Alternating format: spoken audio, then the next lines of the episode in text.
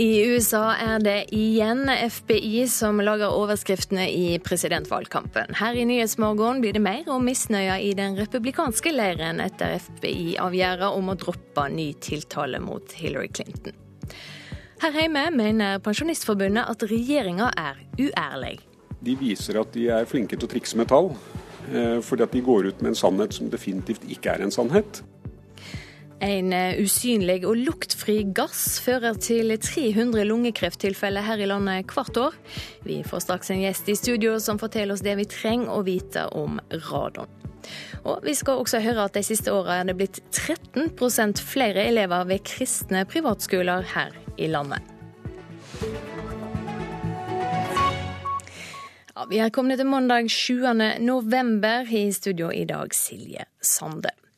Og Vi starter med Pensjonistforbundet, som mener regjeringa trikser med tall og er veldig uærlige. Årsaken er at regjeringa hevder at pensjonistene har vært tiårets lønnsvinnere i en ny stortingsmelding. Regjeringa avviser skuldingene, men det preller av på en sint generalsekretær Harald Normann i Pensjonistforbundet. Ja, Det er uredelig. Veldig uredelig, for vi har bedt om en melding for å se på pensjonsutviklingen i fortid og inn i fremtiden. Og da snakker vi om pensjon, ikke pensjon og lønn og kapitalinntekter og alt det der. Regjeringens tall viser at inntekten for en 62-åring økte vesentlig mer enn for yrkesaktive i tiåret fra 2004 til 2014. Men det gjør ikke generalsekretær Harald Nordmann i Pensjonistforbundet glad. Han ser rødt. En, de, viser at de er flinke til å trikse med tall. Eh, fordi at de går ut med en sannhet som definitivt ikke er en sannhet. For de tar altså utgangspunkt i en 62-åring i 2004 og setter den opp mot en 62-åring i 2014, som da er i to forskjellige pensjonsregimer. Den ene har ikke mulighet til å kombinere lønn og pensjon, den andre hadde definitivt muligheten til å kombinere lønn og pensjon. Og dermed så får du en kjempeøkning i, i inntekt for for personen i fylte 62 år. Og det er tall, talltriksing. Derfor er regjeringens ferske stortingsmelding om pensjonistenes inntektsforhold knapt verdt papiret det er skrevet på, mener Pensjonistforbundets generalsekretær Harald Normann. Men arbeids- og sosialminister Anniken Hauglie avviser at regjeringen har pyntet på tallene. Dette er en melding som har, eh, viser eh, alle tall. Det er ingen manipulering eller triksing med tall. Den viser eh, inntektsutviklingen, og den viser også årsaken til hvorfor utviklingen har vært positiv. Og det bør jo tross alt alle være glad for, også Pensjonistforbundet. Pensjonsreformen har gjort det mulig å jobbe og få lønn på toppen av pensjonen. I tillegg er grunnbeløpet hevet, og det er innført lettelser i personbeskatningen. Arbeids- og sosialminister Anniken Hauglie sier det er viktig å vise Stortinget helheten ved å ta med alle elementene som har bidratt positivt til pensjonistenes økonomi. Pensjonistene har hatt en god inntektsutvikling de siste årene, og det er flere grunner til det. Eh, en av dem er at man takket være pensjonsreformen nå kan eh, ta ut pensjon mens man eh, jobber. Man har hevet grunnbeløpet, det er etablert, man har fått innført skatteletter. Og ikke minst er også pensjonistene de fått et høyere pensjonsgrunnlag nå enn tidligere. Så det er mange faktorer som eh, bidrar, men vi ser helt klart av tallene at eh, inntektsutviklingen er positiv for pensjonistene som eh, gruppe. Men Pensjonistforbundet er like sinte. Ja, vi kommer til å kreve at her blir en åpen høring. I årene etter 2014 har dessuten pensjonene økt med 0,75 prosentpoeng mindre enn lønnsveksten årlig. Det har gjort lommeboka for mange pensjonister enda smalere. Målet er å få det de mener er riktige tall på bordet, sier Harald Nordmann. I 2015 og 2016 så har pensjonene vært regulert lavere enn prisveksten. og Heller ikke det har denne regjeringen tatt med seg i, i regnestykket når, når, de har lagt fram en melding om pensjonistenes situasjon per eh, november 2016. Reportere Hedvig Bjørgum og Johan Settem. I USA er Hillary Clinton og Det demokratiske partiet letta over at FBI-sjefen sier de ikke kommer til å straffeforfølge Clinton for at hun har brukt en privat e-posttjener i jobb som utenriksminister. Men mange mener skaden allerede har skjedd, fordi det bare nå er ett døgn igjen til valget i USA. Hillary Clinton hadde medvind på meningsmålingene før FBI-sjefen fortalte at de ville se på nye e-poster. Etter det har forspranget hennes skrumpet inn. Den nye runden med oppmerksomhet rundt Clintons bruk av en privat e-postserver har vært en gavepakke for Donald Trump. Men etter at FBI-sjef James Comey i går sa at FBI ikke kommer til å straffeforfølge henne, er lettelsen stor i Clintons valgkampstab. Vi er glade for at FBI har funnet ut det som vi var ganske sikre på. Vi er glade for at Comey bekrefter beslutningen han kom fram til i juli. Det sier Brian Fallon, som er Clintons pressesjef. Mange mener likevel at skaden har skjedd. Kun halvannet døgn før valget i USA kan det være for sent for Hillary Clinton å snu tendensen på meningsmålingene som viser at Donald Trump flere steder er i ferd med å innhente hennes forsprang. Trump-leiren bruker FBI sin renvasking av Clinton som et nytt eksempel på at valgsystemet i USA er korrupt. Right now she is being protected by a rigged system. It's a totally rigged system. I've been saying it for a long time. You can't review 650,000 new emails in eight days. You can't do it, folks. Hillary Clinton er beskyttet av et korrupt system, hevder den republikanske presidentkandidaten. Trump gir seg ikke med det. Han påstår at Hillary Clinton er den mest korrupte kandidaten i USAs nyere historie.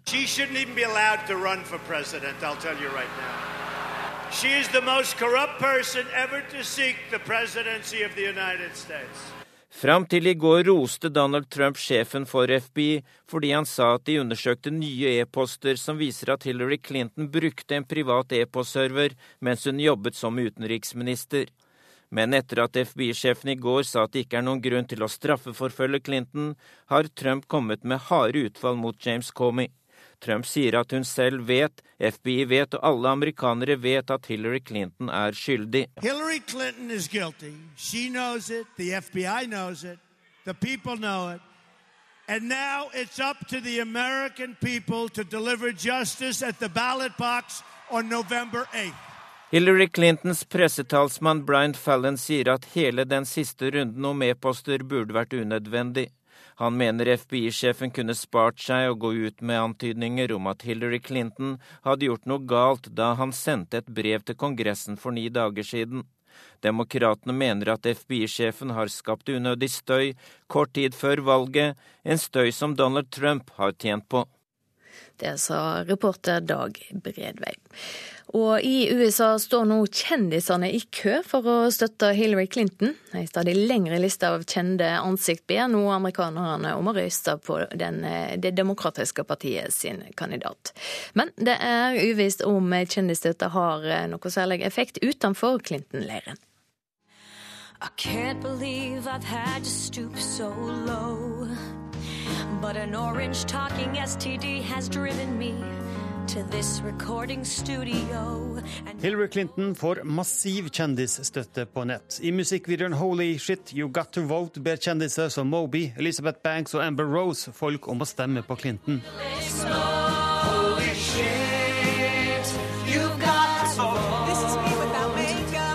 Medan Girls-skaper Lena Dunham har laga video. People say that Hillary needs to smile. She's the strongest fucking person, couldn't even walk a mile. Og I Cleveland var det Beyoncé og JC som viste støtta si til Clinton. Beyoncé sa at uh, folk måtte stemme på Clinton fordi hun representerer et håp for barna i USA. Our daughters, our sons, and vote for someone who cares for them as much as we do. And that is why I'm with her. Og JC følger opp med at språkbruken til Donald Trump er splittende, og viser at han ikke er den rette mannen til å leie landet. His conversation is divisive, and that's not an evolved soul to me. So he cannot be my president. He cannot be our president. Men i Trump-leiren avviser de at slik kjendisstøtte vil ha stort å si for valget. Og under et valgmøte i Florida ba Trump JC om å passe sin egen språkbruk. And then said, I did not like Donald Trump's lewd language. my lewd language. I tell you what, I've never said what he said in my life.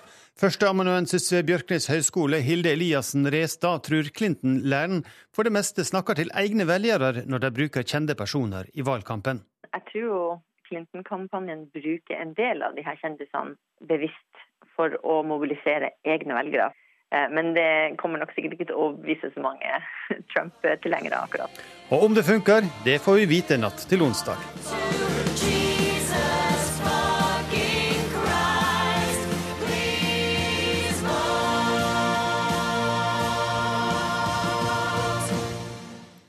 Reporter her, det var Espen Alnes. Hvert år får om lag 300 personer lungekreft i Norge pga. den usynlige gassen radon. Når vi puster inn eh, radonkonsentrert luft innendørs, så fører det til stråling til lungene, og det kan altså føre til lungekreft. Anne Liv Rudjord, seksjonssjef i Statens strålevern, god morgen. Hvor skadelig er eh, radon? Ja, Lungekreft er jo en alvorlig sykdom, og det er et betydelig antall tilfeller. Så det er klart at det er en risiko som vi bør ta hensyn til. Eh, det er klart. Hvordan vet vi at eh, det er denne gassen som fører til om lag 300 lungekrefttilfeller hvert år? Det har vært eh, en rekke vitenskapelige studier så man vet veldig godt hva risikoen fra radon er, både for røykere og ikke-røykere. Det er slik at røykere, altså kombinasjonen av røyking og radon er, er ekstra farlig, men også ikke-røykere kan få lungekreft fra radon. Og her må folk ta ansvar sjøl. Til en viss grad så må de det. Eh, det er jo i innelufta da, i boligene og andre, andre lokaler hvor man oppholder seg, at det kan bli et problem.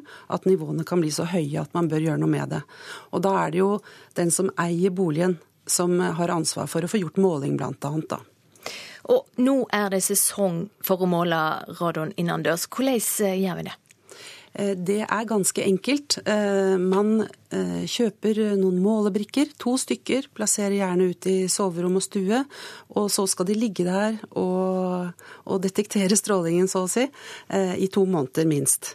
Og det skal gjøres i fyringssesongen, for da er forholdene mer stabile, så man får et riktigere bilde. Norge er et av de landene i verden som har de høyeste radonkonsentrasjonene i inneluft. Hva kommer det av?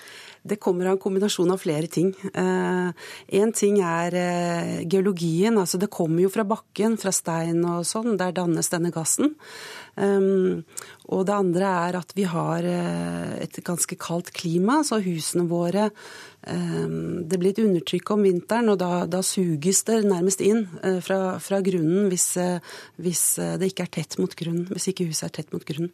Men 300 lungekrefttilfeller hvert år. Hva gjør eh, styresmaktene her? Ja, De gjør ganske mye. Fra 2010 så har vi hatt en nasjonal radonstrategi, og vi har fått nytt regelverk eh, som sier eh, som både skal beskytte f.eks. leietakere, sånn at hvis du leier en bolig, så er det den som leier ut som har ansvar for å måle og se til at det er tilfredsstillende. Det andre er at det er kommet nytt regelverk under plan- og bygningsloven, altså den eh, bygnings, byggteknisk forskrift, hvor man må gjøre forebyggende tiltak mot radon. og tett. Det skal være tett mot grunnen, man må ha radonmembran, og, og forberede eventuelle videre tiltak eh, hvis det skulle oppstå problem etterpå. Men all grunn til å sjekke for folk i gamle hus spesielt? Ja, i alle hus vil jeg mm. si. Ikke, behøver ikke å være så veldig gamle, for det, det, er som regel da, som jeg sa, fra byggegrunnen. Og, og det, hvis huset da ikke er tett, og, og det ikke er bra på den måten, så, så kan man få et eh, radonproblem. Takk for at du kom hit til Nyhetsmorgen, Anne Liv Rudjord fra Statens strålevern. Vi skal ha en avisrunde nå. Siden 2002 er det blitt 69 færre sykebiler på norske veier. Samtidig har oppdragsmengda økt med 42% Det blir kutta i tallet på biler over hele landet, sier leder for Ambulanseforbundet i arbeidstakerorganisasjonen Delta til VG. Regjeringa bryter klimaløftet, skriver Klassekampen. Regjeringa er langt unna å kutte de nær sju millioner tonn CO2 som de har forplikta seg til innen 2020. I stedet øker utslippene, skriver avisa. Barnehagelærerstudiet er bare barnematen, forteller Dagsavisen. Studenter karakteriserer utdanninga som lite krevende. Det viser en rapport som er laga for Kunnskapsdepartementet.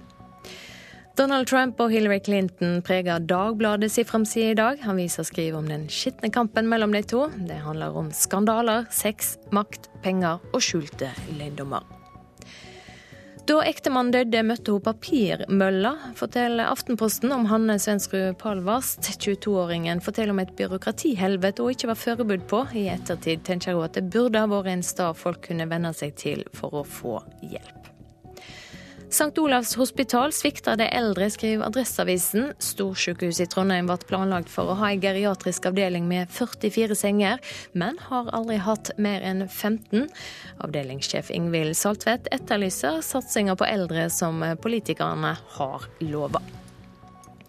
Slik gikk det da vinteren kom, er Fedrelandsvennens overskrift i dag. Snøfallet i helga førte bl.a. til at 10 000 på Sørlandet mista strømmen. Flere biler enda utfor veien, båtruter ble innstilte, og utenlandske trailere sperra E18. Det er blitt 2500 færre bønder under den blå regjeringa, ifølge Nasjonen. Men tallet på nedlagde gårder har ikke økt etter at Høyre og Frp kom i regjering. Avisen i Bergen skriver om Branns sølvfest på fotballbanen i går. Sigeren over Sarpsborg 08 blir omtalt som den perfekte avslutninga på jubelsesongen i Bergenstidene. Brann-trener Lars Arne Nilsen, som kom til en klubb i fullstendig krise for halvannet år siden, sier til avisa at jobben har vært enklere enn mange tror.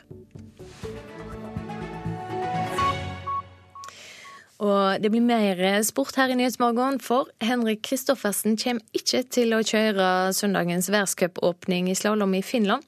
22-åringen som saksøker Skiforbundet pga. en sponsorkonflikt, mener lagkameratene har best av at han ikke er med i Levi pga. bråket rundt han nå. Av hensynsmessige grunner til eh, laget, trenere og lagkameratene mine, så uh, kommer jeg ikke til å være med på samling i Kobdalis eller å kjøre det første slalåmrennet i Levi. Det gjør jeg ikke. Hva mener du med av hensyn til lagkameratene dine? Akkurat nå så er det såpass mye støy rundt meg at det, jeg vil at de skal ha muligheten til å forberede seg så godt de kan, og um, at de skal få gjøre det, det de har lyst til å kjøre den, og ikke bli påvirka av, av den situasjonen skifpen har satt meg i. Bråket med Skiforbundet rundt en personlig sponsorkontrakt har pågått i to og et halvt år, men nådde sitt foreløpige klimaks sist tirsdag, da skistyret vedtok tilsynelatende et endelig nei. Da sprakk også nyheten om at han nå saksøker Skiforbundet. Det er såpass tøft og såpass mye trøkk akkurat nå at det, ja, det blir bare sånn. Har de uttrykt, altså lagkameratene dine, at uh, det er best at du ikke er der? Jeg har ikke hørt et ord fra noen av dem, så det veit jeg ikke. Fjorårets suverene vinner av slalåmcupen vant også sist gang verdenscupen var i Levi. Han ville da stilt med rødt startnummer og som stor favoritt. Det betyr selvfølgelig veldig mye for meg, det gjør det. Det er, eh, det er absolutt ikke noe, eh, noe, positivt med det. Jeg har jo lyst til å konkurrere og kjøre renn, og eh, jeg hadde stilt for første gang i livet med rødt startnummer, så det, det er ikke noe hyggelig. Reporter Tommy Barstein. Du hører på Nyhetsmorgen, klokka er 6.51. Donald Trump er kritisk til at Hillary Clinton ikke skal etterforskes for e-postskandalen. Flere tusen er fremdeles uten lys og varme i Agder-fylka. Og hvert år får 300 mennesker lungekreft i Norge pga. den usynlige gassen radon. Sjekk huset ditt, sier Statens strålevern. De siste tre åra har tallet på elever i private kristne grunnskoler økt med 13% Det syner tall NRK har henta inn fra Utdanningsdirektoratet. Mange grunngir valget med at dette er gode skoler med et godt miljø. En av dem er 16 år gamle Martin Sebastian Schnell fra Kristiansand. Jeg syns miljøet er jo mye bedre da. Folk er mye mer hyggelige. Lærerne ser det. Man er ikke så mange i klassen. Så lærerne får mer tid til den enkelte personen, liksom. Fordi han hadde hørt om det gode miljøet, valgte han å reise én time hver vei for å gå ungdomstrinnet på Oasen skole i nabokommunen Sogndalen. Men det var også noen ulemper. Det ble sånn klokka fem annenhver dag når man kom hjem, og så gjøre lekser og så gå på trening. Så jeg fikk liksom ikke kontakt med de jeg bodde nærmest med. Og alle de andre bodde sånn én time unna. Så det var sånn problemer med venner og sånn. I 2013 var det 7700 elever i kristne skoler her i landet. Nå er det 1000 flere. Det er en økning på 13% på tre år. Den viktigste grunnen er at det er blitt slike skoler flere steder i landet, sier Einar Plater i Utdanningsdirektoratet. Siden det har vært en økning i antallet godkjente kristne skoler, og da også blitt flere elevplasser, så gjør jo det at flere elever har en kristen skole i nærheten av der de bor. Og da vil det også være et mer reelt alternativ for elevene og foreldrene å velge den skolen. Flere av disse skolene scorer bra på skoleresultater og miljø, og mange legger vekt på det når de velger en kristen skole. Det sier professor Gunhild Hagesæter ved NLA-høgskolen i Bergen, som har undersøkt familienes begrunnelse. Den som nevnes aller oftest, det er at det er en faglig god skole. Men omtrent like ofte som det nevnes også det at skolen er kjent for sitt gode sosiale miljø, og det at det er en kristen skole. At det gode miljøet er viktig, understrekes også at mange sier at de skifter til kristen skole fordi barna ikke trivdes så godt på den skolen de gikk på før. Det er altså så mye som 22 når det gjelder grunnskolen, som nevner dette som en begrunnelse for å velge en kristen friskole. Det offentlige betaler 85% av kostnadene for hver elev. Kristne og andre private skoler svekker dermed den offentlige fellesskolen, frykter Arbeiderpartipolitiker Janka Holstad fra Ullensaker i Akershus, en kommune der de har sett en sterk vekst i private skoleplasser. Jeg mener at vi må bruke skattepengene på å styrke fellesskapsskolen. Og Da er jeg bekymra for å etablere eh, så mange private plasser at de går utover fellesskapsskolens økonomi. Kristne skoler tiltrekker seg også elever med annen religiøs bakgrunn enn kristendom. Og blant elevene er det også mange som ikke er religiøst aktive. Det er en hel del av de som er på disse skolene, som svarer at de ikke er aktive i sin livssynssammenheng ca. 10% sier at de aldri er aktive i sin livssynssammenheng. Jeg gikk i klasse med mange som ikke var kristne. Men eh, jeg tenker jo at de fleste er kristne, kanskje siden de går på kristen privatskole. Reportere her Tom Ingebrigtsen og Maria Hasselgaard. Og det skal handle litt om eh, saker i, i, den samme gata. For hvordan kan vi sikre religionsfridom, men hindre at religiøse grupper diskriminerer kvinner og homofile? Og hvordan kan vi verne ytringsfridom, men kjempe mot ekstremister og hatytringer? Det er noen av flere spørsmål som skal debatteres senere i dag, med utgangspunkt i boka 'Religionspolitikk'. Forfatter Ingvild Thorsson Plessner, Plesner, velkommen til oss seniorforsker ved Norsk senter for menneskeretter ved Universitetet i Oslo. I boka di så etterlyser du en tydelig norsk religionspolitikk. Hva er problemet i dag? Et av problemene i dag er at politikerne har eh, tenkt at eh, religionspolitikk handler mest om statskirkeordningen. Den skal ifølge kulturministeren avvikles de siste restene av den i 2017. Men religionspolitikk er mye mer enn det. De siste månedene har vi hatt en debatt som kan tyde på at politikerne tenker at religionspolitikk er det samme som innvandringspolitikk, eh, med mye debatt om forhold internt i en del muslimske trossamfunn. Og religionspolitikk er også mye mer enn hijab, for å si det slik. Ja, For å være litt konkret, hva type dilemma er det som må vurderes i en slik religions- og livssynspolitikk? Ja, For det første så er det avveininger mellom forholdet eh, til majoriteten, eh, Den norske kirke, og hensynet til minoriteter. Det er viktig i et land med over 70% medlemmer i Den norske kirke fortsatt. Eh, for det andre så er det avveining mellom ulike rettigheter og hensyn og verdier som kommer i konflikt. Eh, og det er da behov for gjennomtenkning av disse dilemmaene og utfordringene helhetlig eh, og for eh, ulike områder. For per i dag så er det en oppsplittet og lite helhetlig politikk i Norge på dette området. Og Da snakker vi mellom annet om reservasjonsrett for helsepersonell, hijab og nikab spesiell mat til eh, innsatte i fengsel eller til pasienter på sykehus? En lang rekke? Det er en lang rekke spørsmål, det er de du nevner nå. Eh, nå nærmer det seg jul, så da kommer det opp spørsmål om skal, eh, skal man ha skolegudstjenester før jul? Skal lærere som ikke er medlemmer av Den norske kirke måtte ta del i religionsutøvelse i Den norske kirke når de følger elevene? Hva med praksisen med bønn på linje? Felles bønn på linje i militæret for soldater? Hva med samtalepartnere for ulike tros- og livssynsgrupper på sykehus osv.? Er det bare institusjonsprester fra Den norske kirke man skal tilby, eller skal også buddhister, jøder, sikher og humanetikere få mulighet til å snakke med noen fra sin tro- og livssynsgruppering ved livets slutt og i sårbare situasjoner? Du mener at kunnskap fra flere fagfelt må til for å komme fram til svar på, på slike spørsmål. Hvorfor det? Ja, jeg mener at Dette handler jo først og fremst om å finne ut hva er det som er en god politikk som gjør at alle borgere, alle innbyggere, kan føle seg hjemme her i landet og være inkludert i det norske samfunnet. Og på en måte som, at, som gjør at man ikke går på konflikt med menneskerettighetene. Eh, og da er det behov for kunnskap om juss. Hvilke rammer er det som menneskerettighetene stiller, som Stortinget har forpliktet seg på? Men det er òg behov for å gjøre avveininger av hva er konsekvenser av ulike tiltak. Og da er jo både samfunnsfaglige og filosofiske perspektiver nødvendig. Det er jo ikke alltid at de tiltakene man iverksetter er egnet til å nå de målene man har. Helt kort til slutt, Ville vi ikke unngått mye trøbbel dersom staten bare var nøytral, håndheva menneskerettene og hindra diskriminering? Jo, det hørtes ut som en god idé, men hva betyr nøytralitet? Og hva betyr likebehandling i praksis? Og det er noe av det jeg viser til i boken min, at det er ulike definisjoner.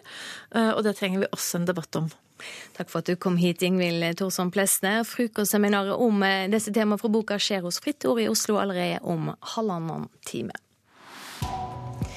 Da skal vi ha et værvarsel fra Meteorologisk institutt, og de har sendt ut obs-varsel for Spitsbergen, der de varsler både mye vind og mye nedbør. Det blir sørvestlig sterk kuling utsatte steder, øke til liten storm i formiddag. Fra utpå ettermiddagen periodevis full storm, regn og sludd, snø over 400-500 meter og mye nedbør i vest. Nord-Norge får sør-sørøst frisk bris, liten kuling utsatte steder. Stort sett fint vær, men mer skyer i Øst-Finnmark og på vidda. Sør-Norge nordøstlig til sørøstlig frisk bris, liten kuling utsatte steder. Austafjells blir det skyer eller delvis skyer stort sett opphold, ellers fint vær. Temperaturene målte klokka fire. Svalbard lufthavn fire, Kirkenes minus seks, Vardø minus tre, Alta minus ti, Tromsø, Langnes og Bodø minus tre, Brønnøysund minus fire, Trondheim-Værnes minus ti, Molde minus tre. Kristiansand-Kjevik minus 3, Gardermoen minus 8. Lillehammer minus 9, Røros minus 25 og Oslo-Blindern minus 6 grader. Her i Nyhetsmorgen skal vi eh, straks høre mer om innspurten i valgkampen i USA. Vi skal også høre hvordan presidentvalgkampen og det kommende valget der påvirker verdens finansmarkeder. Her hjemme har ingeniørstudenter problemer med å få den praksisen de trenger ute i bedriftene. Tekna kommer til oss for å fortelle om følgene av det. Vi skal også høre at det fremdeles hersker stor uvisse om hva som skjer videre med Storbritannias utmelding fra EU. Men først altså til USA. Der får eh, sjefen for det føderale politiet, FBI, kjeft både fra republikanere og demokrater for måten han har eh, opptrådt på. I går kveld sendte han et brev til Kongressen der han gjorde det klart at FBI ikke har funnet noe straffbart i e-postene til Hillary Clinton. Kongresspolitikere fra begge partier varsler at de har mange spørsmål rundt FBIs granskning, og at den politisk ladde saken kommer til å få etterspill. Senator Harry Reed skriver i en uttalelse at det siste brevet fra FBI-sjefen understreker hvor uansvarlig han var da han varslet om nye undersøkelser rett før valget. FBI-direktør James Comey, som for elleve dager siden snudde opp ned på valgkampen her ved å si at de har funnet nye e-poster som muligens kan knyttes til Hillary Clintons private e-postserver, sier nå i en skriftlig uttalelse at funnet var duplikater av tidligere gjennomgått materiale, eller personlige e-poster som ikke hadde noe med Clintons tid som utenriksminister å gjøre. Hillary Clinton is guilty. She knows it. The FBI knows it. The people know it. Republikanernes presidentkandidat Donald Trump angriper FBI og mener politiet umulig kan ha gjennomgått alle e-postene, trolig 650 000, på så kort tid. Right now, she is being protected by a rigged system. It's a totally rigged system. I've been saying it for a long time. You can't review 650,000 new emails in eight days. You can't do it, folks. Trump mener Clinton blir beskyttet av et manipulert system, men at spesialagentene på gulvet ikke vil la Clinton slippe unna med hennes forferdelige forbrytelser. Han sier også at det nå er opp til velgerne å straffe rivalen i stemmelokalene.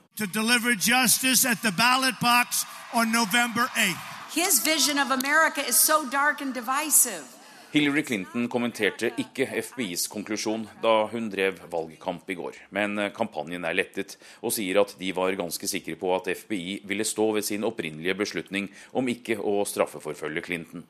Det er ikke mye tid igjen å få budskapet ut om at FBI har satt et endelig punktum. I dag er siste kampanjedag før velgerne avgjør hvem som skal flytte inn i Det hvite hus. Internasjonale valgobservatører kom hit i helga. Vi skal ikke blande oss opp i det som skjer. Vi skal observere og rapportere tilbake det vi ser. Sier stortingsrepresentant Bård Hoksrud, som er en av tre norske valgobservatører her i USA. Organisasjonen for samarbeid og sikkerhet i Europa, OSSE, har totalt 120 parlamentarikere som skal rapportere om uregelmessigheter i de delstatene som tillater observatører. Hoksrud fra Fremskrittspartiet skal til Pennsylvania. Vi vet at der jeg skal, så har det vært litt fram og tilbake på hvordan man blir tatt imot som observatører, men vi skal bare forholde oss til Hvis vi får muligheten til å komme inn, så er vi veldig glad for det og syns det er veldig ålreit. Og hvis ikke, så må vi bare rapportere tilbake at vi ikke fikk lov å eh, komme inn i valglokalet. Hva tenker du om muligheten for at det kan bli begått valgfusk her i, her i landet? Nei, det er jo sånn man eh, Og vi skal jo ikke ha noen meninger om det, men vi registrerer at det kommer signaler at noen tror det.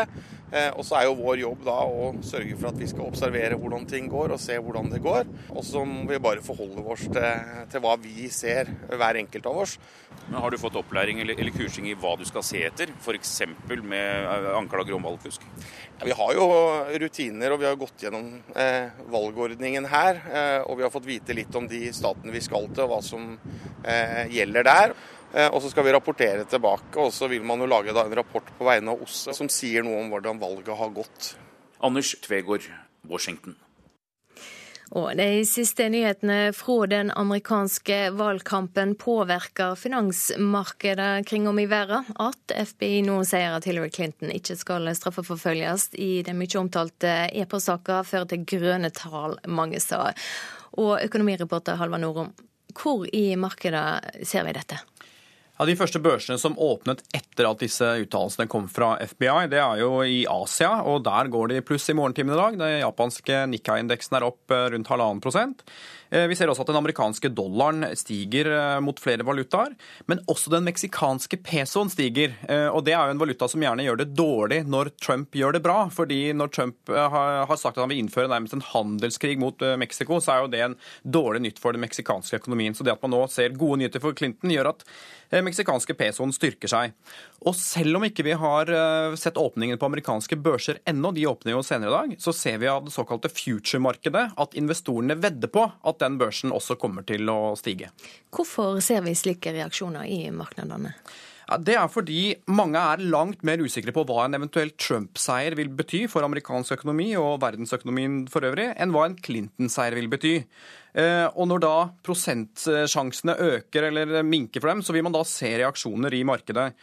Trumps økonomiske plan er jo ganske uklar, for å si det mildt. Eh, både når det gjelder hva han har sagt og hva han faktisk kan få gjennomslag for. Men han har jo nærmest uttalt at han vil starte handelskrig med flere land. og Det gjør at mange tolker dette her som svært usikkert. Så gode nyheter for Clinton, mindre usikkert. Og det, det, eh, det tolkes ofte da bra i finansmarkedene.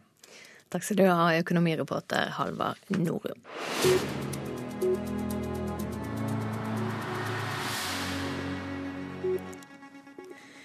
Ingeniørstudenter kan nå slite med å få praksisplasser i virksomheter pga. nedgangen i flere bransjer. Det stadfester studentene sine organisasjoner. Ingeniørstudenter ved NTNU i Trondheim skal helst ha tolv uker med relevant praksis i studiet. Ja, nå må du klikke om den der. I et mekanisk verksted på NTNU i Trondheim jobber fjerdeårsstudenten Kristoffer Vikebø Nesse. Han er også leder for foreningen Tekna-student på universitetet. Nesse har medstudenter som ikke har greid å skaffe seg praksisplass i en bedrift på det feltet de studerer. For de det gjelder, så er det jo veldig kjedelig å ikke få den muligheten til å få relevant praksis i bedrifter. Det er en eh, ufattelig fin måte å få større læringsutbytte på og forstå mer av det en har på skolen. Sivilingeniørstudenter på NTNU skal ha tolv ukers praksis i studiet, helst i en bedrift, for at de skal stå best rustet til arbeidslivet som følger. Men nå har sommerjobbmarkedet for studentene tørket inn. Flere store bedrifter i oljesektoren sier til NRK at de har kuttet hardt i tilbudet til studenter, bl.a. Statoil, som har redusert med 50 sommerjobbstillinger de to siste åra. Andreas Holst er direktør for rekruttering og læring i Statoil. Vi har omfattende omstillingsprosesser internt og har sett en aktivitetsreduksjon. Eh, så vi har per i år tatt inn ca. 150 sommerstudenter. Det er en nedgang fra i overkant av 200 for to år siden. Årsaken til reduksjonen er først og fremst at våre sommerstudenter de jobber med reelle arbeidsoppgaver og reelle prosjekter. Og det er veldig viktig for oss at det er kvalitet i de prosjektene som de får jobbe med.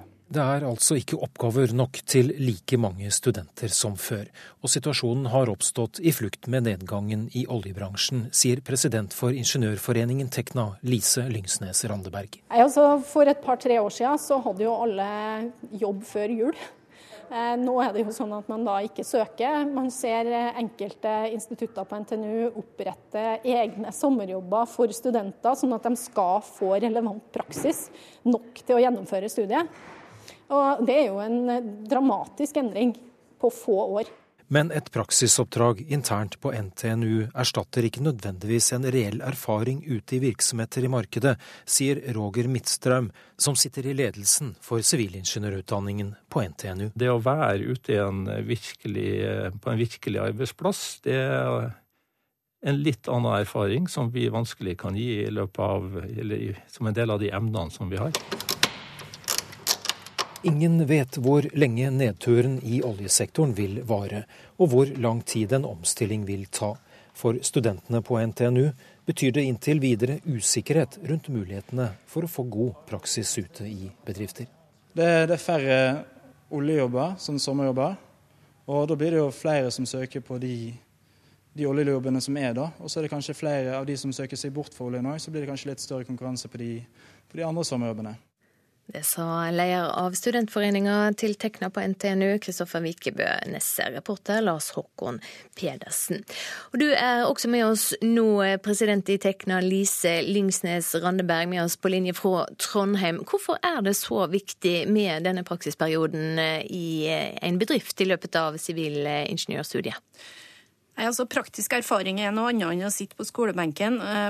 Studentene vet hva de går til, og bedriftene får jo også en mulighet til å teste kandidater med tanke på fremtidig rekruttering. Vi snakker jo varmt om samarbeid mellom næringsliv og universiteter, og det er viktig at eh, vi klarer å få til det også i tøffe tider, og ikke bare i festtaler. Eh, næringslivet ønsker jo også kandidater med praksis, og eh, de må tenke framover. De må ikke slutte å rekruttere. Da blir det krise om noen år fordi at de ikke får tak i folk. Det har vi sett før. Hva konkret er det du etterlyser fra næringslivet? Nei, altså Det er flere måter å løse det her på. Det ene er å tilby studenter masteroppgaver i samarbeid med bedriftene. Det å være aktivt eh, inne i studiet og tilby relevant praksis underveis som en del av studiet. Men det er jo også det å, å tilby studenter sommerjobber. Det er jo litt som at man eh, skriker fordi man ikke får fagarbeidere, men samtidig ikke har lærlingplasser. Det blir jo litt på samme måte med praksisplasser for eh, sivilingeniørstudenter også. Ja, Vi hører her at situasjonen i verste fall kan få følger for eh, hele praksisordninga ved NTNU. Hva synes du om det? Jeg syns jo det er synd eh, hvis man ikke skal få praksis lenger. For som sagt, det er virkelig, det er virkelig viktig.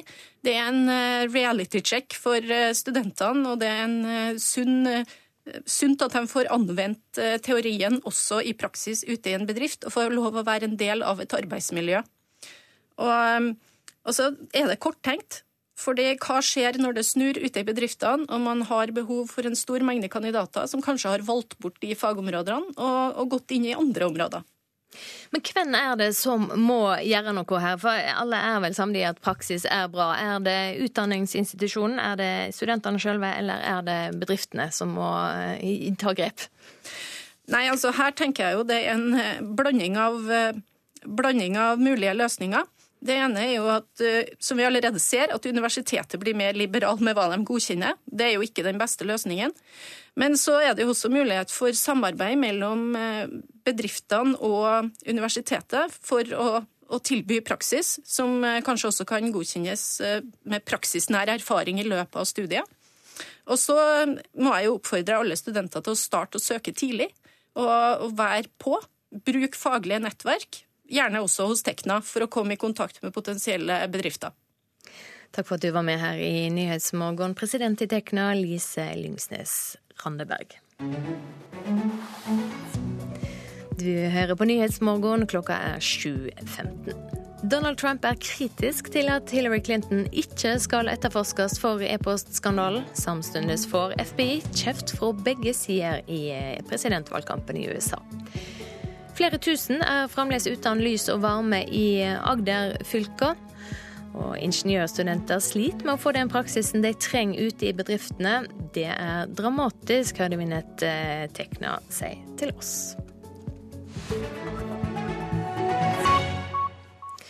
Nå til Storbritannia. Det hersker stor uvisse om hva som skjer videre med landets utmelding fra EU. Før helga slo en domstol fast at regjeringa trenger parlamentets støtte før eh, forhandlingene starter, men nå varsler statsminister Theresa May at prosessen holder fram som planlagt. Likevel lover regjeringa å forklare seg for de folkevalgte senere i dag. We voted to come out of EU. We don't need to debate every single thing. Let's just get out, be done. Denne innbyggeren i Sleaford i Lincolnshire i Øst-England er luta lei av all debatten som går om når og hvordan Storbritannia skal melde seg ut av EU. Etter at en domstol før helgen slo fast at regjeringen ikke alene kan melde landet ut av EU uten at prosedyren debatteres i parlamentet, har kastet et teppe av usikkerhet over hele prosessen.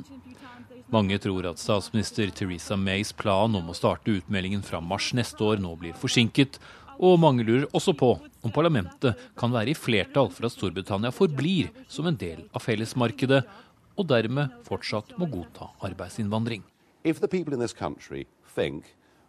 Cheated, betrayed, anger, the likes of which none of us in our lifetimes have ever witnessed in this country.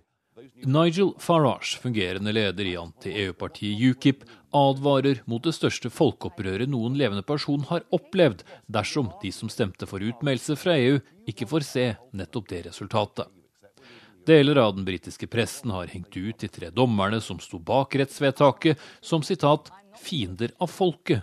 sitat slutt. Og enkelte aviser har skrevet at folket nå må samle seg mot eliten, som de mener vil holde landet i EU. Men statsminister Theresa May, som i går reiste til India for å forhandle nye handelsavtaler der, forsvarte pressefriheten og sa at regjeringen fortsetter utmeldelsesprosessen som planlagt. Uh. Uh,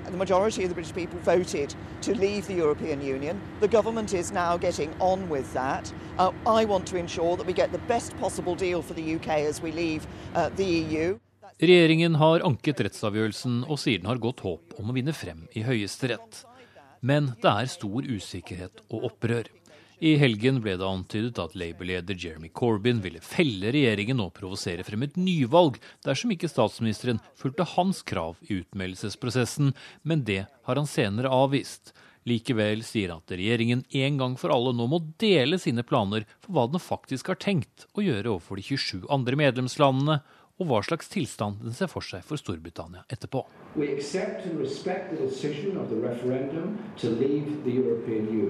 Første steg av forklaringen kommer kanskje senere i dag.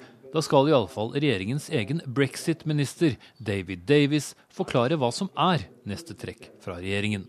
Kanskje blir noen klokere da, kanskje ikke. Espen Aas, London. I Russland skal menneskerettsorganisasjonen Amnesty etter planen få komme inn igjen i lokalene sine i Moskva i dag, etter at dørene ble stengte av styresmaktene forrige onsdag. Amnesty ble skylda for ikke å ha betalt husleie, men organisasjonen sjøl hevder at stenginga var en hevn etter kritikk mot innstramming av menneskerettene i Russland. Og Korrespondent Morten Jentoft, fortell oss først, hva var det som skjedde forrige uke? Ja, eh, Medarbeiderne i eh, Amnesty her i Moskva de kom altså til eh, kontoret sitt i Moskva. Det er et lokaler som de leier av Moskva by. og Der var låsen skiftet ut, og døren var som du sa, forseglet. og De fikk beskjed om å ringe et nummer da i byadministrasjonen. Der var det ingen som svarte. Men etter hvert så ble det klart at myndighetene i Moskva hadde stengt lokalene fordi de mente at Amnesty ikke hadde betalt husleien. Etter en stund så klarte Amnesty å vise at de faktisk faktisk har betalt denne husleien.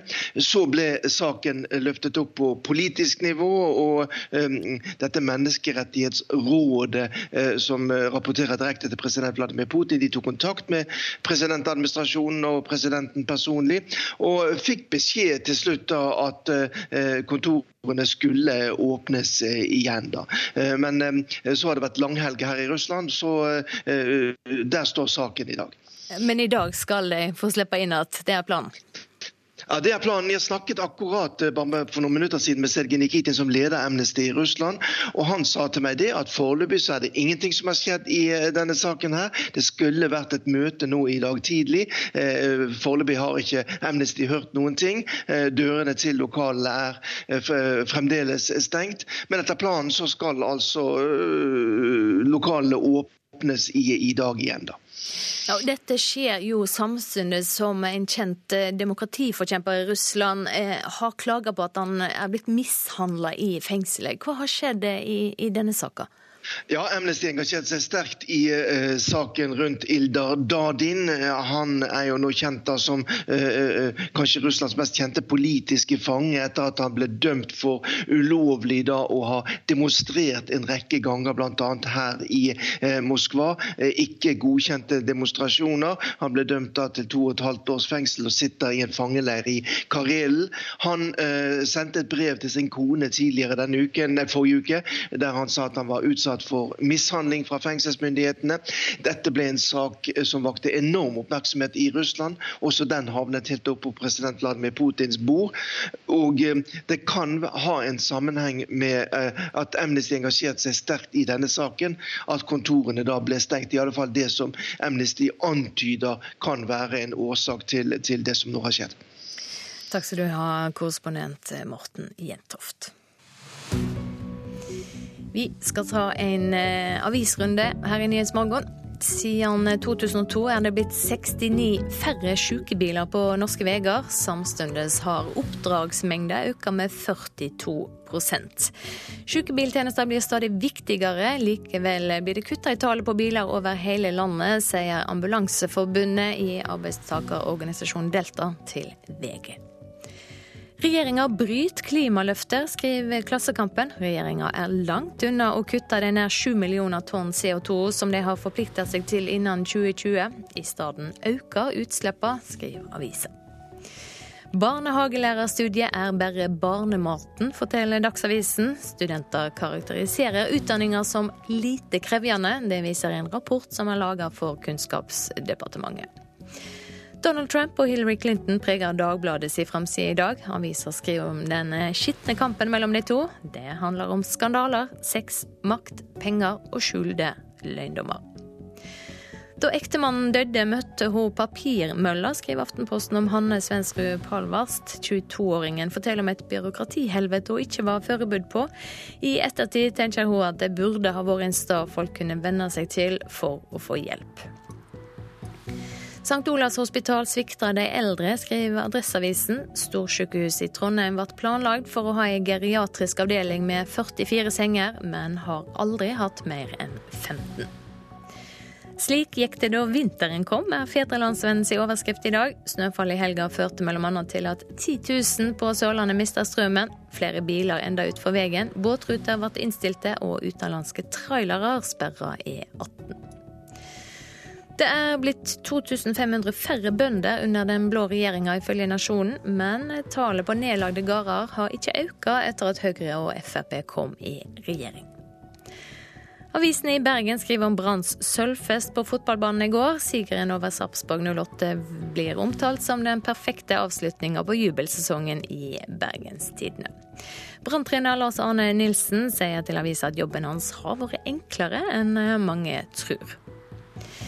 Norske DNB og Statkraft blir skylda for ikke ta omsyn til urfolk som vil verne landområdet av religiøse grunner, skriver Vårt Land. Statkraft eh, skal bygge vannkraftverk i Chile. DNB finansierer en oljerørledning i USA. Begge steder er utbyggerne i konflikt med urfolk som vil verne hellig land. Så skal vi til Nord-Jæren. Den nye bomringen der vil strupe lokale transportbedrifter og til slutt føre til dyrere varer for forbrukerne. Det mener eh, Norges Lastebileierforbund i Rogaland. De reagerer sterkt på at ordninga med et makstak for hvor mye lastebiler må betale, er fjerna i den nye bomringen, og tre ganger høyere avgifter for tungtransport enn personbiler. Sånn, da var vi klar. Ole Skadsem har tatt plass i førerhuset i en av de om lag 50 lastebilene til Svipp Transport, hvor han er daglig leder. Transportselskapet leverer alt fra utstyr til oljenæringa til dagligvarer, og er blant de som reagerer sterkt på den nye bompengeringen på Nord-Jæren, som etter planen blir innført 1.1.2018. Konsekvensen blir jo at vi får en kraftig økning i kostnadene våre på lokaldistribusjon og kjøring i nærområdet. I dagens bomring er det satt et tak for hvor mange ganger lastebiler skal betale bompenger når de passerer en bomstasjon. I den nye bomringen i Bypakke Nord-Jæren er det lagt opp til å fjerne denne ordninga. Da blir det fort store beløp for transportnæringa. Over 150 000 kroner per bil i året har Norges Lastebileierforbund regna seg fram til. Konsekvensen er at vi øker prisene våre til våre kunder, som igjen må ta det igjen hos sine kunder, og som vel i kort tekst betyr at du må betale mer for melk og brød når du handler i butikken. Ifølge fylkesleder i Norges Lastebileierforbund Herman Berg kan den nye bomringen også føre til nedlegginger i transportbransjen. Med små marginer som det er i transportbransjen i dag, så vil det faktisk kunne være ikke eller være eller ikke være for enkelte transportbedrifter. Hensikten med, med eh, avgiften er å ha nullvekst i personbiltrafikken. Eh, for å tilrettelegge for kollektivt eh, og for fremkommeligheten for næringstransporten. Når en da tredobler avgifter på nyttetransporten, så treffer en jo ikke målet i hele tatt i forhold til det. Den nye bompengeringen på Nord-Jæren er vedtatt av politikerne lokalt og venter på behandling i Stortinget. Styreleder for Nord-Jæren bompengeselskap, Pål Morten Borgli, som også er varaordfører i Sandnes for Frp, forstår bekymringa til transportbransjen, men sier de reagerer for seint. Jeg forstår de veldig godt, at de reagerer. Men eh, jeg må jo si at jeg skuffer meg litt òg, for de burde reagert mye kraftigere og mye tidligere. Så skulle vi klart å stoppe dette politisk. De er jo med å heie fram eh, løsninger om at eh, Eh, bilen er det store problemet, og nå må de eh, snart ta ut i veiene og demonstrere og vise hva kostnader dette har, og spesielt for vår region. Uansett, Lastebileierforbundet mener bompengeavgiftene er uakseptable, selv om Norges klimamål krever kraftige kutt i trafikken på veiene. Vi vil selvfølgelig være med oss og bidra, næringen næring òg, sånn som alle andre. Men eh, alle avgiftene, det, det gagner ikke det. Denne reportasjen var laga av Gisle Jørgensen og Magnus Stokka. Da er det straks tid for Dagsnytt i hovedsending 7.30. I reportasjen etter det her i Nyhetsmorgen om vel ti minutter skal vi høre at det blir mobilisert over hele verden for å stanse en oljerørledning i et indianerreservat i USA. Utbygginga er delvis finansiert av norske penger. Produsent for eh, Nyhetsmorgen i dag, det er Hans Christian Eide. Her i studio, Silje Sande.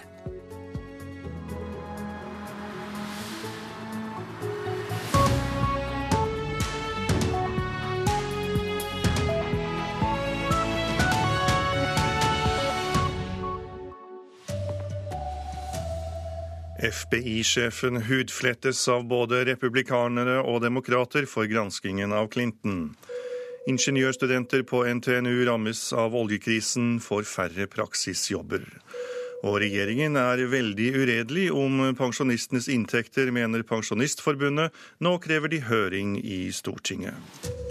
Her er NRK Dagsnytt, klokken er 7.30. Sjefen for det føderale politiet, FBI, får kjeft fra både republikanere og demokrater for måten han har opptrådt på. I går kveld sendte han et brev til Kongressen der han gjorde det klart at FBI ikke har funnet noe straffbart i e-postene til Hillary Clinton. Kongresspolitikere fra begge partier varsler at de har mange spørsmål rundt FBIs granskning, og at den politisk ladde saken kommer til å få etterspill. Senator Harry Reed skriver i en uttalelse at det siste brevet fra FBI-sjefen understreker hvor uansvarlig han var da han varslet om nye undersøkelser rett før valget. FBI-direktør James Comey, som for elleve dager siden snudde opp ned på valgkampen her ved å si at de har funnet nye e-poster som muligens kan knyttes til Hillary Clintons private e-postserver, sier nå i en skriftlig uttalelse at funnet var duplikater av tidligere gjennomgått materiale, eller personlige e-poster som ikke hadde noe med Clintons tid som utenriksminister å gjøre. Hillary Clinton is guilty. She knows it. The FBI knows it. The people know it. Republikanernes presidentkandidat Donald Trump angriper FBI og mener politiet umulig kan ha gjennomgått alle e-postene, trolig 650 000, på så kort tid. Right now, she is being protected by a rigged system. It's a totally rigged system. I've been saying it for a long time. You can't review 650,000 new emails in eight days. You can't do it, folks. Trump mener Clinton blir beskyttet av et manipulert system, men at spesialagentene på gulvet ikke vil la Clinton slippe unna med hennes forferdelige forbrytelser. Han sier også at det nå er opp til velgerne å straffe rivalen i stemmelokalene. His vision of America is so dark and divisive. Hillary Clinton kommenterte ikke FBIs konklusjon da hun drev valgkamp i går, men kampanjen er lettet og sier at de var ganske sikre på at FBI ville stå ved sin opprinnelige beslutning om ikke å straffeforfølge Clinton. Det er ikke mye tid igjen å få budskapet ut om at FBI har satt et endelig punktum. I dag er siste kampanjedag før velgerne avgjør hvem som skal flytte inn i Det hvite hus. Anders Tvegård, Washington. Og idet den amerikanske valgkampen går inn i sitt siste døgn, står kjendisene i kø for å støtte Hillary Clinton. En stadig lengre liste av kjente ansikter ber nå amerikanerne om å stemme på demokratenes kandidat. Men det er uvisst om kjendisstøtten har noen effekt utenfor Clinton-leiren. Hillary Clinton får massiv kjendisstøtte på nett. I musikkvideoen Holy Shit You Got To Vote ber kjendiser som Moby, Elizabeth Banks og Amber Rose folk om å stemme på Clinton. Medan Girls-skaper Lena Dunham har laga rappvideo. Og I Cleveland var det Beyoncé og JC som viste støtta si til Clinton. Beyoncé sa at eh, folk måtte stemme på Clinton fordi hun representerer et håp for barna i USA. And that is why I'm with her. Og JC følger opp med at språkbruken til Donald Trump er splittende, og viser at han ikke er den rette mannen til å leie landet.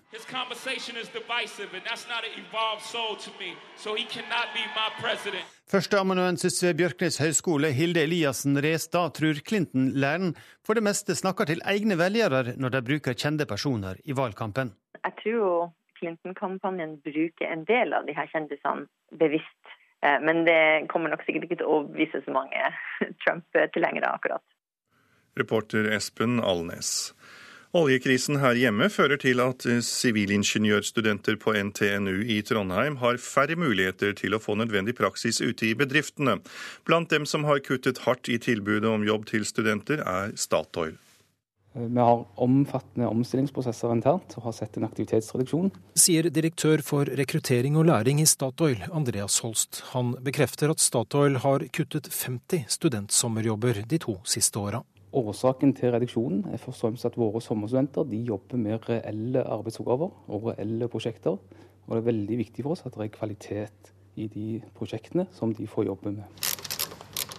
Ja, nå må du klikke om den igjen. Og nedgangen i antall sommerjobber går utover sivilingeniørstudentene på NTNU i Trondheim, som trenger tolv ukers praksis, helst i bedrifter som driver på det området de studerer. Kristoffer Vikebø Nesse studerer mekanikkfag og er leder for studentforeningen i Tekna på NTNU. For de det gjelder, så er det jo veldig kjedelig å ikke få den muligheten til å få relevant praksis i bedrifter. Det er en ufattelig fin måte å få større læringsutbytte på og forstå mer av det en har på skolen. Og dersom studentene ikke greier å skaffe seg relevant praksis i bedrifter, kan det bli et større problem på sikt, sier Roger Midtstraum. Han sitter i ledelsen ved sivilingeniørstudiet på NTNU. Ja, så Vi har jo et krav om at alle skal ha praksis, så hvis det skulle bre om seg, så ville det være et problem for den ordninga vi har i dag. Reporter Lars Håkon Pedersen. Over 2700 kunder er fortsatt uten strøm i Agder-fylkene. 100 nye montører kommer nå på jobb for å fortsette arbeidet med å rette opp feilen. Det sier direktør for samfunnskontakt i Agder Energi, Unni Fares Tveit. Det som viser seg er at eh, nye feil oppstår fordi nye trær som, eh, som faller over linja, som forårsaker strømbrudd. Det som skjer nå, er at eh, flere av disse nå som har vært på jobb gjennom natta, går hjem. Og så stiller vi med 100 nye manner som kommer på jobb og som skal ut uh, i, i områdene og fortsette uh, feilretting. Og i Telemark mangler eh, rundt 1000 husstander strøm. Snaut 300 husstander er fortsatt uten strøm i Larvik i Vestfold. Pensjonistforbundet mener regjeringen trikser med tall og er uredelig. Grunnen er at regjeringen hevder pensjonistene har vært tiårets lønnsvinnere i en ny stortingsmelding. Regjeringen avviser beskyldningene, men det preller av på en sint generalsekretær, Harald Normann i Pensjonistforbundet. Ja, Det er uredelig. Veldig uredelig, for vi har bedt om en melding for å se på pensjonsutviklingen i fortid og inn i fremtiden. Og da snakker vi om pensjon, ikke pensjon og lønn og kapitalinntekter og alt det der. Regjeringens tall viser at inntekten for en 62-åring økte vesentlig mer enn for yrkesaktive i tiåret fra 2004 til 2014. Men det gjør ikke generalsekretær Harald Nordmann i Pensjonistforbundet glad. Han ser rødt. 2015 og 2016 så har pensjonene vært regulert lavere enn prisveksten. Og heller ikke det har denne regjeringen tatt med seg i, i regnestykket når, når, de har lagt fram en melding om pensjonistenes situasjon per eh, november 2016. Det har gjort lommeboka for mange pensjonister enda smalere. Derfor er regjeringens ferske stortingsmelding om pensjonistenes inntektsforhold knapt verdt papiret det er skrevet på, mener Pensjonistforbundets generalsekretær Harald Normann. Men arbeids- og sosialminister Anniken Hauglie avviser at regjeringen har pyntet på tallene. Dette er en melding som har, eh, viser eh, alle tall. Det er ingen manipulering eller triksing med tall. Den viser eh, inntektsutviklingen, og den viser også årsaken til hvorfor utviklingen har vært positiv. Og det bør jo tross alt alle være glad for, også Pensjonistforbundet. Men Pensjonistforbundet er like sinte. Og vi kommer til å kreve at her blir en åpen høring. Reportere Hedvig Bjørgum og Johan Settem. Sport nå. Henrik Kristoffersen kommer ikke til å kjøre søndagens verdenscupåpning i slalåm i Finland. 22-åringen, som saksøker Skiforbundet pga. en sponsorkonflikt, mener lagkameratene har best av at han ikke deltar pga. bråket rundt ham. Av hensynsmessige grunner til eh, laget, trenere og lagkameratene mine, så uh, kommer jeg ikke til å være med på samling i Kobdalis eller å kjøre det første slalåmrennet i Levi. Det gjør jeg ikke. Hva mener du med av hensyn til lagkameratene dine? Akkurat nå så er det såpass mye støy rundt meg at det, jeg vil at de skal ha muligheten til å forberede seg så godt de kan. Bråket med Skiforbundet rundt en personlig sponsorkontrakt har pågått i to og et halvt år men nådde sitt foreløpige klimaks sist tirsdag, da skistyret vedtok tilsynelatende et endelig nei. Da sprakk også nyheten om at han nå saksøker Skiforbundet. Fjorårets suverene vinner av slalåmcupen vant også sist gang verdenscupen var i Levi. Han ville da stilt med rødt startnummer og som stor favoritt. Det betyr selvfølgelig veldig mye for meg, det gjør det. Det er, eh, det er absolutt ikke noe, eh, noe positivt med det. Neste verdenscuprenn for Christoffersen blir i Beaver Creek i begynnelsen av desember. Reporter var eh, Tommy Barstein. Ansvarlig for NRK Dagsnytt Bjørn Christian Jacobsen. Her i studio Tor Albert Frøsland. Over hele verden sjekker folk inn på Facebook-sida Standing Rock. Og den største samlinga av urfolk på flere tiår har samla seg i Nord-Dakota i USA, i reservatet som heter Standing Rock. Det handler om å stanse en ny oljerørledning, som annet er finansiert av norske penger.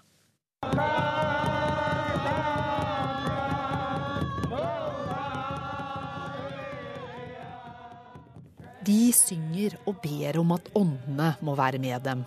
Rundt en stor tromme står urinnvånere, indianere fra ulike stammer. De er godt kledd i det kalde høstværet i Nord-Dakota. En av dem skiller seg ut. Han er høvding for Sioux-stammen. Looking Horse er høyreist med en fantastisk fjærpryd på hodet, slik folk flest forbinder med indianere fra gammelt av. Skinnklærne har frynser og perler, og blikket er fast. Now today, now we prayed. Our, we start the day with our prayer, and that's the way this, uh, we want this uh, camp going, the spiritual uh, prayer, prayer, uh, to prayer. Vi vil at denne leiren skal være et spirituelt sted for bønn, sier høvding Looking Horse. Siden april har flere tusen urinnvånere fra hele verden og representanter fra over 300 stammer strømmet til protestleiren som har fått navnet Standing Rock, etter Sioux-stammens reservat med samme navn. De protesterer mot at en oljeledning verdt 3,8 milliarder dollar skal graves ned under Missouri-elven, den største elven i Nord-Amerika. Hellige gravplasser vil bli ødelagt under utgravingen, og om oljeledningen går lekk, vil elven forurenses for ti millioner mennesker som bor langs den, frykter demonstrantene.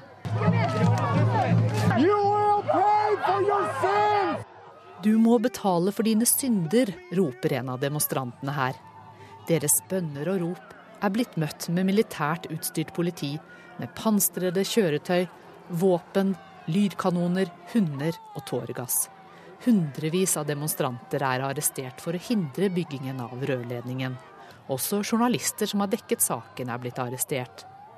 Men det har ikke stoppet videoer og bilder av de voldsomme angrepene på demonstrantene til å spre seg som ild i tørt gress på sosiale medier. Og nå vil aktivister over hele verden bidra.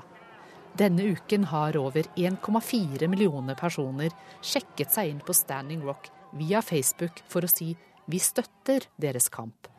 Høvding Looking Horse tror de nå har åndene med seg.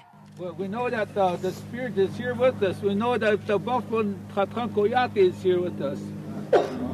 And, uh, and uh, we have a lot of people, not only around here, but all over the world praying with us right now. Because water is life. Vann er liv, sier høvdingen. Noe også folk her i Norge har forstått. For norske penger er med å finansiere oljeledningen, eller The Black Snake som den også kalles. DNB har gitt et lån på 2,8 milliarder norske kroner. Og oljefondet har investert 10,3 milliarder i aksjer og rentepapirer i fem selskaper som er bak prosjektet. Dette reagerer både politikere, miljøorganisasjoner og urfolk her til lands på. De vil at oljefondet skal trekke seg ut. Og Naturvernforbundet har startet en underskriftskampanje for å få DNB til å trekke seg. Der nærmer det seg 4000 underskrifter. Så spørs det om åndene vil lytte til urfolkets trommer eller storkapitalen. Det sa reporter Anja Strønen. Du hører på Nyhetsmorgen. Klokka er 7.44. Overskrifter i dag. I USA blir FBI-sjefen hudfletta av både republikanere og demokrater for måten han har opptredd på i saka om granskinga av Hillary Clinton sine e-poster. Over 2700 husstander er fremdeles uten strøm i Agder-fylka. 100 nye montører kommer på jobb nå for å holde fram arbeidet med å rette opp eh, feil. Oljekrisen fører til at sivilingeniørstudenter møter stengte dører hos bedriftene når de banker på for å be om praksis. Og Pensjonistforbundet mener regjeringa er uærlig når de hevder at pensjonistene har vært tiårets lønnsvinnere. Regjeringa avviser skyldningene. Pensjonistene krever høring i Stortinget. Nå blir det Politisk kvarter med Bjørn Myklebust i studio.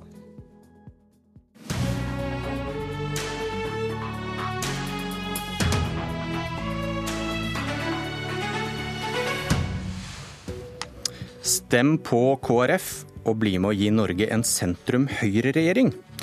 Det vil KrF at velgerne nå skal tro på. Hareide sa til og med vi har absolutt en god mulighet til å få det til. KrF er ganske alene om å tro, kan det virke som. Kjell Ingolf Ropstad fra Kristelig Folkeparti, velkommen til Politisk kvarter. Takk skal du ha. I helgen kom svaret vi har ventet sånn på. Plan A. KrF vil danne regjering med Høyre og andre sentrumspartier etter valget neste år. Eh, nå har jeg lest mange analyser og kommentarer av vedtaket deres på lørdag. og Har du snakket med noen, eller hørt om noen, som ikke er i KrF, som har tro på denne planen, som mener at den virker sannsynlig? Ja, faktisk så har jeg. Få høre. Det som er bakgrunnen for at eh, de, iallfall når jeg snakker med dem, var enig i at det var realistisk. Hvem er dette her? Det var noen, noen kompiser, Noen kompiser, som, ja. jeg, som jeg tror kan, jeg kan få til å stemme KrF. Fordi de ønsker ny regjering, men de ønsker ikke Frp inn. Men så ønsker de KrF istedenfor. Og, og det som vi legger opp til, er jo at eh, vi er veldig klar over at Nikolai som sitter her, eller Erna Solberg, eh, ikke kan nå si at hun heller ønsker KrF, Venstre og Høyre, men at hun må selvsagt forsvare sin egen regjering. Men etter valget, når vi har sett valgresultatet, så har vi tro på at hun kan ta et valg, eh, og òg da velge Høyre, Venstre og KrF. Ja, fordi Hareide han sa da på lørdag at vi har absolutt en god mulighet til å få til en sentrum-høyre-regjering. Og til Klassekampen sier han at det er sterkt realistisk, noe du på en måte bekrefter nå. Det må du nesten sannsynliggjøre? Ja, altså Jeg er enig i at når du ser på ser på målinger nå, og ser på de ulike alternativene nå, så er det ikke sånn at jeg kan slå hardt i bordet og si at selvfølgelig blir det eh, sentrum høyre etter valget.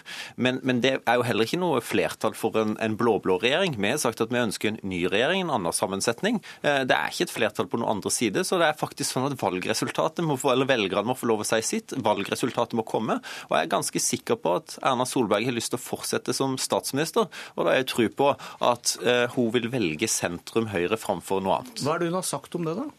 Hva sier du? Hva er, det sagt, hva er det Erna Solberg har sagt om det? Eh, Erna Solberg sier jo tydelig at hun ønsker alle eh, partiene inn. eh, Men om, om ditt alternativ, da, det å kaste ut Frp og velge sentrum, hva har Erna Solberg sagt om det? Eh, Foreløpig har jeg jo ikke sagt at det er aktuelt, så vidt jeg har fått med meg. Men, men eh, ikke. Og så sier Høyre at det er en god mulighet til å få til denne planen. Jeg får ikke det helt til å henge Nei, men Det er sammen. derfor jeg sier at eh, jeg syns det hadde vært veldig unaturlig hvis Erna Solberg nå, mens hun sitter i regjering med Frp, hadde sagt at hun vil kaste ut Frp. Derfor så har jeg ikke noen forventning om at det skal skje. Men etter valget, når valgresultatet er klart Jeg kan ta ett eksempel som òg ble antyda til meg. Det som kan skje, er jo at KrF og Venstre gjør noenlunde gode valg. Frp gjør ikke et så gode valg. Så kan det skje det samme som skjedde i Oslo for noen år siden, nemlig at Frp går ut, KrF, Venstre, eventuelt andre, eh, andre sentrumspartier blir med inn i en ny regjering. Nevn én måling som har Frp mindre enn Venstre og KrF. Ja, Det er det sikkert heller ikke akkurat nå. Men det er fremdeles eh, Eller nesten et år til valget. Eh, ja, hvis du tar valgresultatet eh, i 2015, så var jo Frp under 10 eh, Jeg sier ikke at det er det som kommer til å skje. Men, jeg er sier bare at- Ja, men, men problemet er jo at en som kommentator hele tida skal ta utgangspunkt i situasjonen akkurat nå, og så vil en ikke vente på at velgerne skal få lov å si sitt. Jeg er enig i at akkurat sånn det ser ut nå, så er det ikke så realistisk med det alternativet. Det er heller ikke veldig realistisk med de andre alternativene. Og Derfor så må en få lov å se an valgresultatet, og så må vi gjøre det beste ut av det for å få en mest mulig tyngdepunkt i sentrum. Da gikk vi fra sterkt realistisk i Klassekampen til ikke så veldig realistisk, som du konkluderte med nå. Eh, Nikolai Astrup fra Høyre, kan det komme en situasjon der Høyre velger å kaste Frp ut av regjering for å velge å gå i regjering med KrF? Vi, er, eh, vi sitter i regjering med Fremskrittspartiet, og det har vi tenkt å fortsette med. Og så er vi opptatt av bredest mulig borgerlig samarbeid. eh, Og Høyres innstilling før valg har jo alltid vært at blir det borgerlig flertall, så skal det bli borgerlig regjering. Da går Høyre i regjering. Vi er sentrum på borgerlig side, og så tar vi med de som vil være med, eh, så mange som mulig. Eh, Og eh, jeg tenker jo at vi får til, vi fire partiene på ikke-sosialistisk side, får til veldig mye bra i norsk politikk. Og det, uavhengig av hvem som sitter i regjering, så er jo resultatene det viktigste. Men, men når vi nå snakker Og- alternativer, det er, det er ingen forbehold, sånn som jeg hører det, om at hvis f.eks. da som Ropstad eh, snakker om at sentrumspartiene blir, blir større enn Frp, da gjelder ikke det løftet om at dere dytter ikke Frp ut og velger sentrum? Altså, vi, vi har åpne dører, eh, ønsker å samarbeide bredest mulig med flest mulig partier på Men svar på, det, svar, svar på spørsmålet, fordi du, du begynte med å svare eh, nei, vi kaster ikke Frp ut av regjering, men gjelder det også etter valget, selv om kortene skulle bli delt ut på nytt? Nå tror jeg først vi skal ha valg. og så er det slik at Vi går ikke til valg på å endre den regjeringen som vi sitter i. Eh, Nei, vi, da, vi sitter da... i en regjering. Og så er det sånn at når vi, vi, er opptatt av bredest mulig borgerlig samarbeid, og hvis flere partier ønsker å delta i regjeringen, så er det bra. Men dere kaster ikke Frp ut av regjeringen selv om de skulle gjøre et dårlig valg? Altså jeg tenker at Fremskrittspartiet må selv ta stilling til om Fremskrittspartiet vil sitte i regjering hvis de gjør et dårlig valg. Det eh, jeg kan si er at I Oslo så satt vi ved makten i 18 år Bl.a. fordi vi eh, ikke lukket dører for noen partier, men var opptatt av å ha bredest mulig borgerlig samarbeid. Noen ganger satt vi i byråd sammen med Fremskrittspartiet, noen ganger satt vi sammen med KrF og Venstre. Men uavhengig av hvem som satt i byråd, så hadde vi et samarbeid mellom fire partier som fikk til veldig gode resultater. Og det er det som betyr noe. Fine ord, men han drepte vel egentlig plan A her, hvis du hørte godt etter, eh, Ropstad? Nei, på ingen måte. Det var derfor jeg sa det jeg sa i stad. Hørte du han si at de kan kaste ut Frp, da? Jo, men Poenget er jo at han sier at vi må se an valgresultatet. Eh, og Det er det som er tilfellet. Jeg har full respekt for det. Jeg syns det hadde vært veldig unaturlig hvis eh, Astrup hadde stått her og, og kasta Frp ut av regjering enten nå eller etter valget. Eh, vi ønsker ny regjering. Vi ønsker et større tyngdepunkt mot sentrum. og Da må vi se an valgresultatet om vi lykkes med det. Vi, vi har med en til her, men da må jeg høre med deg først, Astrup. Var det det du sa? At du må se an valgresultatet, så skal dere svare på nytt om dere velger bort Frp? Jeg er opptatt av at det skal bli borgerlig flertall, og, ja, det, skal, og det skal føre til at vi får en borgerlig regjering. Og så eh, håper jeg vi får med så mange partier som mulig i en slik regjering. Men, Men vi sitter i regjering sammen med Fremskrittspartiet okay. og får til veldig mye sammen med samarbeidspartiene. Jeg har full respekt for at han ikke kan svare på det spørsmålet. Ok. Eh, Ketil Solvik-Olsen, nestleder i Fremskrittspartiet. Først sa KrF nei til å sitte i regjering med dere i helgen, og så fikk du vannlekkasje, så du ikke kunne være med her i dag, men du er med oss på telefon. Du sa i helgen at dette ligner på det KrF sa før forrige valg, men eh, da garanterte de jo for en borgerlig regjering, og den garantien er nå borte. Ser du bare det du vil se? Jeg syns det viktigste i denne debatten er at vi sier vi vil ha en borgerlig regjering. Det er i hvert fall Fremskrittspartiets tilnærming. Og jeg synes at Istedenfor at vi skal bruke et halvt år nå på å spekulere på hvem kan samarbeide med hvem, så bør vi si at vi samarbeider alle sammen. Og så er det sånn at De som ikke vil i regjering, ja, de kan få lov til å støtte det eh, fra Stortinget uten å ha regjeringsmedlemmer sjøl. Men Fremskrittspartiet er positive til at alle fire sitter i regjering sammen. Eh, det bør òg være holdningen. En bør ikke drive på og snakke om at en skal ekskludere hverandre fra en eh, gjensidig regjeringsdeltakelse. Men er du enig i at det er en ganske stor forskjell på å si at et borgerlig flertall skal gi en borgerlig regjering, og det å ikke gjøre det, som KrF nå sier? I, pra I, praksis, ja, Jeg vet det er nyanseforskjeller på det de sier, men i praksis så sier de at de vil gå i regjering sammen med Høyre. Hvis de ikke får det, så vil de gå i opposisjon. Det betyr ikke at de da vil gå i regjering med Arbeiderpartiet. Og Jeg så at i enkelte aviser i helga så var Arbeiderpartifløyen i KrF skuffa over vedtaket. Jeg mener det er avklarende nok til at vi går til valg på at det er en borgerlig regjering med borgerlig flertall så vil diskusjonen fortsatt være hvem sitter i den. Og Da er vår holdning at kan ikke alle sitte igjen hvis de ønsker det. Og så, hvis noen ikke selv vil, så kan de selv velge å, å sitte på utsiden. Men jeg tror at både KrF og Venstre vet at du får gjennomslag for mer når du sitter i regjering. Da er du med og styrer ting på en helt annen måte. Den erfaringen har KrF. Derfor tror jeg at kortene vil heller bli spilt ut på en ny måte etter valget, med borgerlig flertall, der KrF og Venstre gjerne revurderer sin holdning til Frp. Solvik-Olsen, du, du snakker varmt om borgerlig samarbeid, men Frp vil ikke støtte en regjering dere selv ikke er med i. og Dermed vil en sentrum-høyre-regjering som vi snakker om nå, mangle parlamentarisk ryggdekning. Men det dere da sier, er at dere velger heller at KrF kan gi Arbeiderpartiet makt enn å støtte en sentrum-høyre-regjering? Nei, Det vi prøver å si er at La oss samarbeide alle sammen. La oss eh, legge vekk denne holdningen til at vi skal ekskludere hverandre fra regjeringskontorene. Nå har en i tre år Ok, sier, sier, du at Nei, vent nå, Solvik-Olsen. Sier du at Frp legger seg på en ny linje? At dere går bort fra dette at dere ikke støtter en regjering dere ikke sitter i, da? Nei, vi, vi vil ikke ekskludere noen andre partier fra å sitte i en firepartiregjering. Det er det andre som holder på med. Men vi har vist gjennom våre tre år i regjering at det fungerer. Vi har levert gode resultat. Vi får til samarbeid, selv om media er med og bidrar til at det blir en del støy. Men eh, det er jo fordi vi er fire ulike partier, og det er helt naturlig at en diskuterer seg fram til, til løsninger. Men, men, svar på det om deres, eh, deres trussel da om å ikke støtte en annen borgerlig regjering som ikke dere er med i. Eh, det vil vel si at dere blir en garantist for at Jonar Gahr Støre blir statsminister? Nei, det, vi kommer ikke til å være det. Men vi sier òg at hvis de ekskluderer oss, så kommer vi til å samarbeide med enhver regjering fra sak til sak. Og Det er derfor borgerlig samarbeid må handle om at vi skal ville sitte sammen, istedenfor at en skal drive på å ekskludere hverandre. Frp vil ikke ekskludere noen fra et sånt samarbeid. Er dette nye signaler, Ropstad? Ja, jeg opplever jo iallfall dette er mer imøtekommende enn det vi har hørt eh, foran forrige valg. Eh, og jeg har stor respekt for Ketil Solvik-Olsen. Og, og, hvis du skal nevne ett av feltene eh, kanskje KrF er godt fornøyd med i samarbeid med, med Fremskrittspartiet, så, så, tror jeg jo hans sitt felt på samferdsel er et av de som vil komme høyest opp. Ja, Men hørte, hørte du noe nytt nå? For tidligere har de sagt at din plan A Det er ikke noe nytt i det jeg sier. Okay. Så det er, ikke, det er ikke vits i å dra den debatten i gang. Nei, men da blir dere en garantist for Arbeiderpartiet i regjering, hvis dere sier nei til å samarbeide med Ropstads plan A? Vi kommer jo heller ikke til å støtte Arbeiderpartiet i regjering. Dette er så enkelt som at får vi borgerlig flertall, kan vi ikke da ta den diskusjonen etterpå? Så tar vi og setter oss ned og så sier alle fire partier om de selv vil sitte i regjering. Alle som vil sitte i regjering, er velkomne til å sitte i regjering. Istedenfor at vi skal bruke masse tid på forhånd med å prøve å ekskludere hverandre. Frp vil ikke ekskludere noen, Høyre vil ikke ekskludere noen. Dette er en øvelse Venstre og KrF holder på med.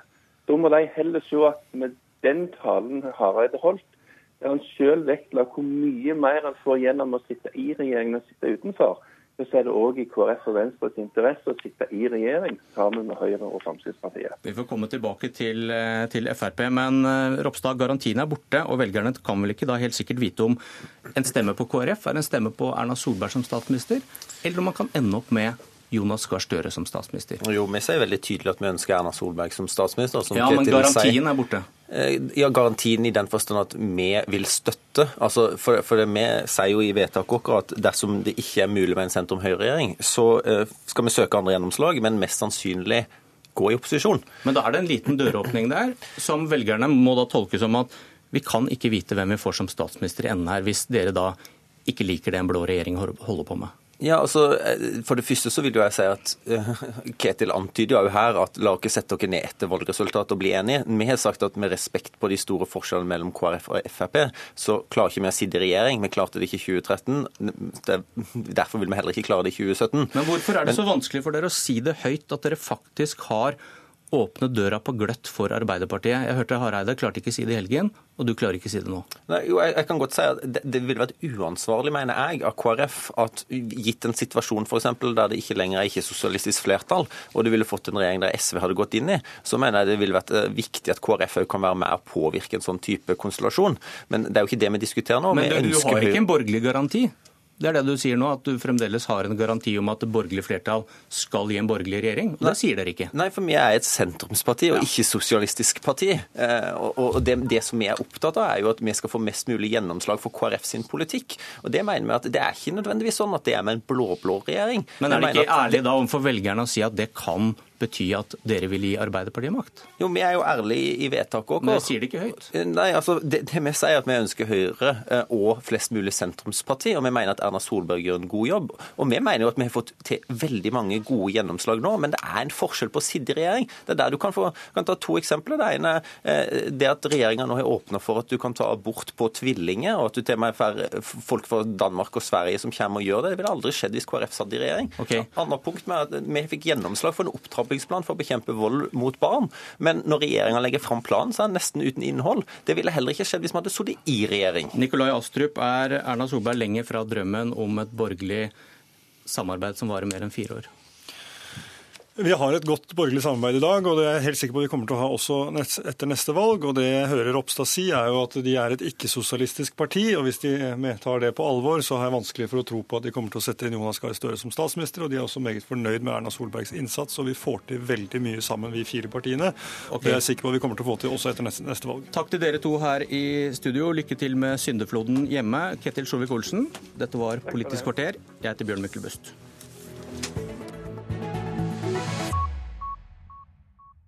Hør flere podkaster på nrk.no podkast.